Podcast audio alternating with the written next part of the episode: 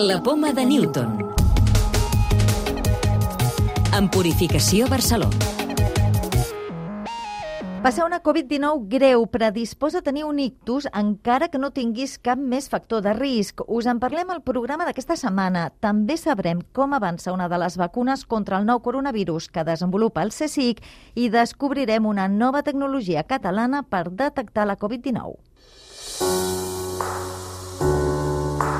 Un estudi de l'Hospital Vall d'Hebron i de l'Institut de Recerca Vall d'Hebron ha descobert que els afectats per Covid-19 que tenien una afectació pulmonar greu a causa de la malaltia també tenien més risc de desenvolupar un ictus i també que aquests pacients greus amb ictus tenen més risc de morir o de quedar amb seqüeles. Ho explica Manuel Raquena, primer autor de l'estudi. Solo en los pacientes que han estado ingresados en UCI durante mucho tiempo, que han tenido un COVID muy grave, el ictus se puede achacar al COVID. Pero en el resto de pacientes seguramente sea una coincidencia. Así que parece que el, el riesgo ha aumentado de tener un ictus en los pacientes con un COVID grave. Lo que hemos visto es que los pacientes con un ictus grave, si tienen COVID, tienen un mayor riesgo de mortalidad o de tener secuelas a largo plazo. Esto se relaciona tanto con la gravedad del, de la infección como con el hecho de que al tener un ictus y tener unos niveles de oxígeno en sangre más bajos, el riesgo de que haya una lesión cerebral más grande és major. La raó d'aquesta relació entre Covid greu i ictus seria la predisposició a les trombosis que provoca la infecció i també la forta inflamació que tenen els pacients amb episodis més severs de la malaltia. En los pacientes más graves parece que hay más riesgo de tener trombos en cualquier parte del cuerpo, así como un aumento de la inflamación a nivel sistémico. Esta inflamación puede afectar tanto a los vasos como al propio cerebro y esto aumenta el riesgo de ictus. Més coses, la vacuna contra la Covid-19 que desenvolupa el CSIC, basada en la de la varola, ha obtingut un resultat de fins al 100% d'eficàcia en ratolins. El fàrmac genera una resposta immunitària molt robusta tant a la producció d'anticossos com a l'activació dels linfòcits T, que ataquen les cèl·lules infectades.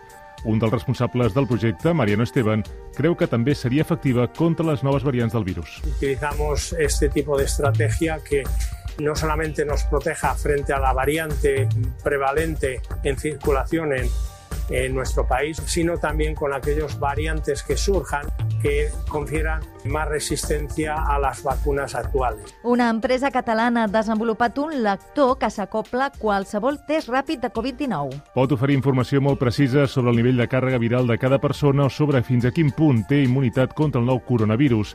L'ha desenvolupat l'empresa d'innovació biomèdica IUL i utilitza tecnologia d'imatge d'última generació.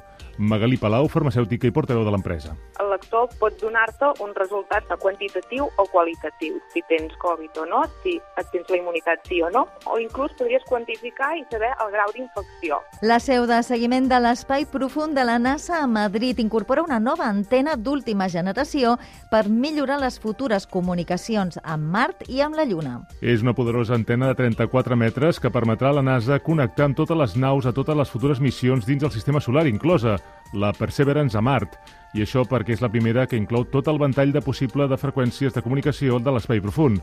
Això la converteix en una antena tot terreny que també s'usarà com a suport a les tasques que desenvolupen la resta d'antenes de la seu de la NASA a Madrid.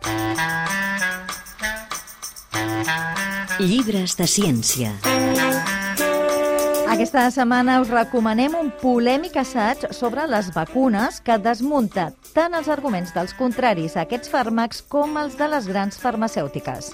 Es tracta del llibre Vacunes, verdades, mentiras i controvèrsia de l'investigador Medicina Interna Peter Gotze, publicada per Captain Swing.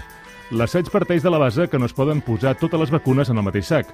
Afirma que és insensat posicionar-se contra les vacunes totes, tot i que també reconeix que algunes no són tan bones com defensen les farmacèutiques. En definitiva, ens convida a analitzar vacuna a vacuna i fa un repàs de les que són molt beneficioses perquè han salvat milions de vides, però també d'altres que ni tan sols molts professionals de la salut recomanen. Una obra que pot aclarir molts dubtes davant les noves vacunes aparegudes per fer front a la pandèmia. La clau de volta. Quin tipus d'immunitat desenvolupem davant d'una infecció? Adelaida Sarucán, inmunóloga d'IS Global, centre impulsat per la Caixa. Cuando nosotros nos infectamos con un virus, la primera línea de defensa es una, una defensa innata, ¿no? Y la segunda línea de defensa consta de dos como brazos, ¿no? Una que son células B que producen anticuerpos y la otra que son las células C que pueden eh, matar a las células que están infectadas por el virus. Recordeu que podeu descarregar-vos el podcast de la Poma de Newton o subscriure-us al programa per rebre'l directament als vostres dispositius.